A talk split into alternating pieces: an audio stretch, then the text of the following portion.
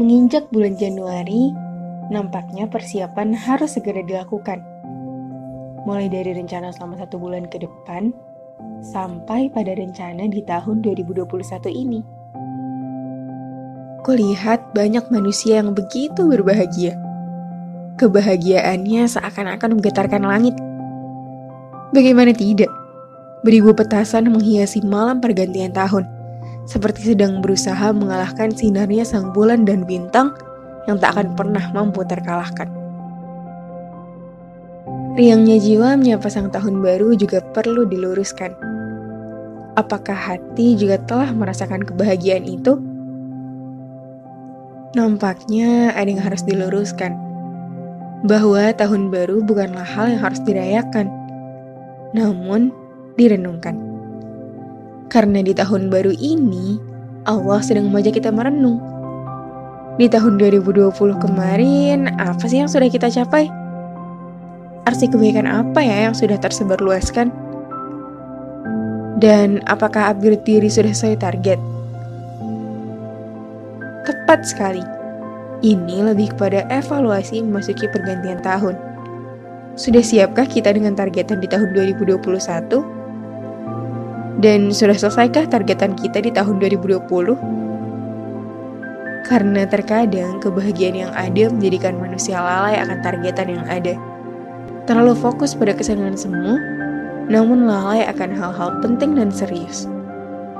Sampai pada hiruk pikuk tahun baru selesai, rasanya sama saja hari di tahun baru dengan hari-hari sebelumnya.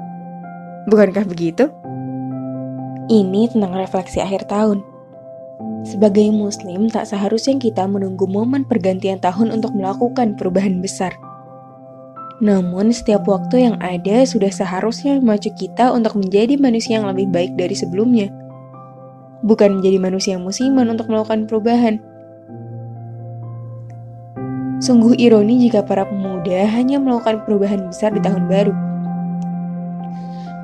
Dan sungguh menyedihkan saat masjid-masjid justru sepi di tahun baru serta sungguh mengerikan letupan petasan yang terlihat menyenangkan, namun tanpa sadar menyimpan ketidaksetujuan agama atas rutinitas tahun baru.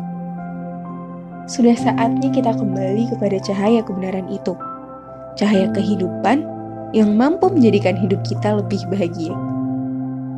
Setiap hari yang ada terlewati dengan penuh makna, tersebab sesuai dengan apa yang Allah suka Matinya lampu atau gelapnya malam akan terasa lengkap dengan hadirnya Al-Quran. Syahdunya pergantian tahun yang biasanya terwarnai oleh letupan petasan, kini berubah syahdu dengan lantunan ayat-ayat suci Al-Quran dari lisan yang mengharap ridhonya. Allah memberi cahaya kepada langit dan bumi. Perumpamaan cahaya Allah adalah seperti sebuah lubang yang tak tembus, yang di dalamnya ada pelita besar pelita itu di dalam kaca, dan kaca itu seakan-akan bintang yang bercahaya seperti mutiara, yang dinyalakan dengan minyak dari pohon yang berkahnya, yaitu pohon zaitun yang tumbuh tidak di sebelah timur suatu dan tidak pula di sebelah baratnya, yang minyaknya saja hampir-hampir menerangi walaupun tidak disentuh api. Cahaya di atas cahaya. Allah membimbing pada cahayanya siapa yang dia kehendaki, dan Allah memperbuat perumpamaan-perumpamaan bagi manusia. Dan Allah maha mengetahui segala sesuatu. Modernisasi tanpa sadar telah menjauhkan kita akan kecintaannya, menjadikan kita manusia yang sibuk mengikuti perkembangan mode yang ada, merasa tak gaul jika tak mengikuti perkembangan yang ada namun, untuk menjadi humasnya Islam masih saja tak ingin karena merasa ketinggalan zaman. Sampai kapan kita akan dijajah oleh budaya terkutuk ini? Bukan menjadikan diri semakin dekat padanya, namun malah semakin jauh. Kita hanya perlu sedikit refleksi di tahun baru ini tentang bagaimana seni mencari cahaya kehidupan itu. Karena sejatinya, cahaya didapat oleh hati yang tertaut pada cintanya bukan semata didapat oleh mata yang sehat. Buta yang sebenarnya adalah ketika kita tak mau mendapatkan cahaya Al-Quran, padahal sebenarnya cahaya itu begitu dekat. untuk kita raih.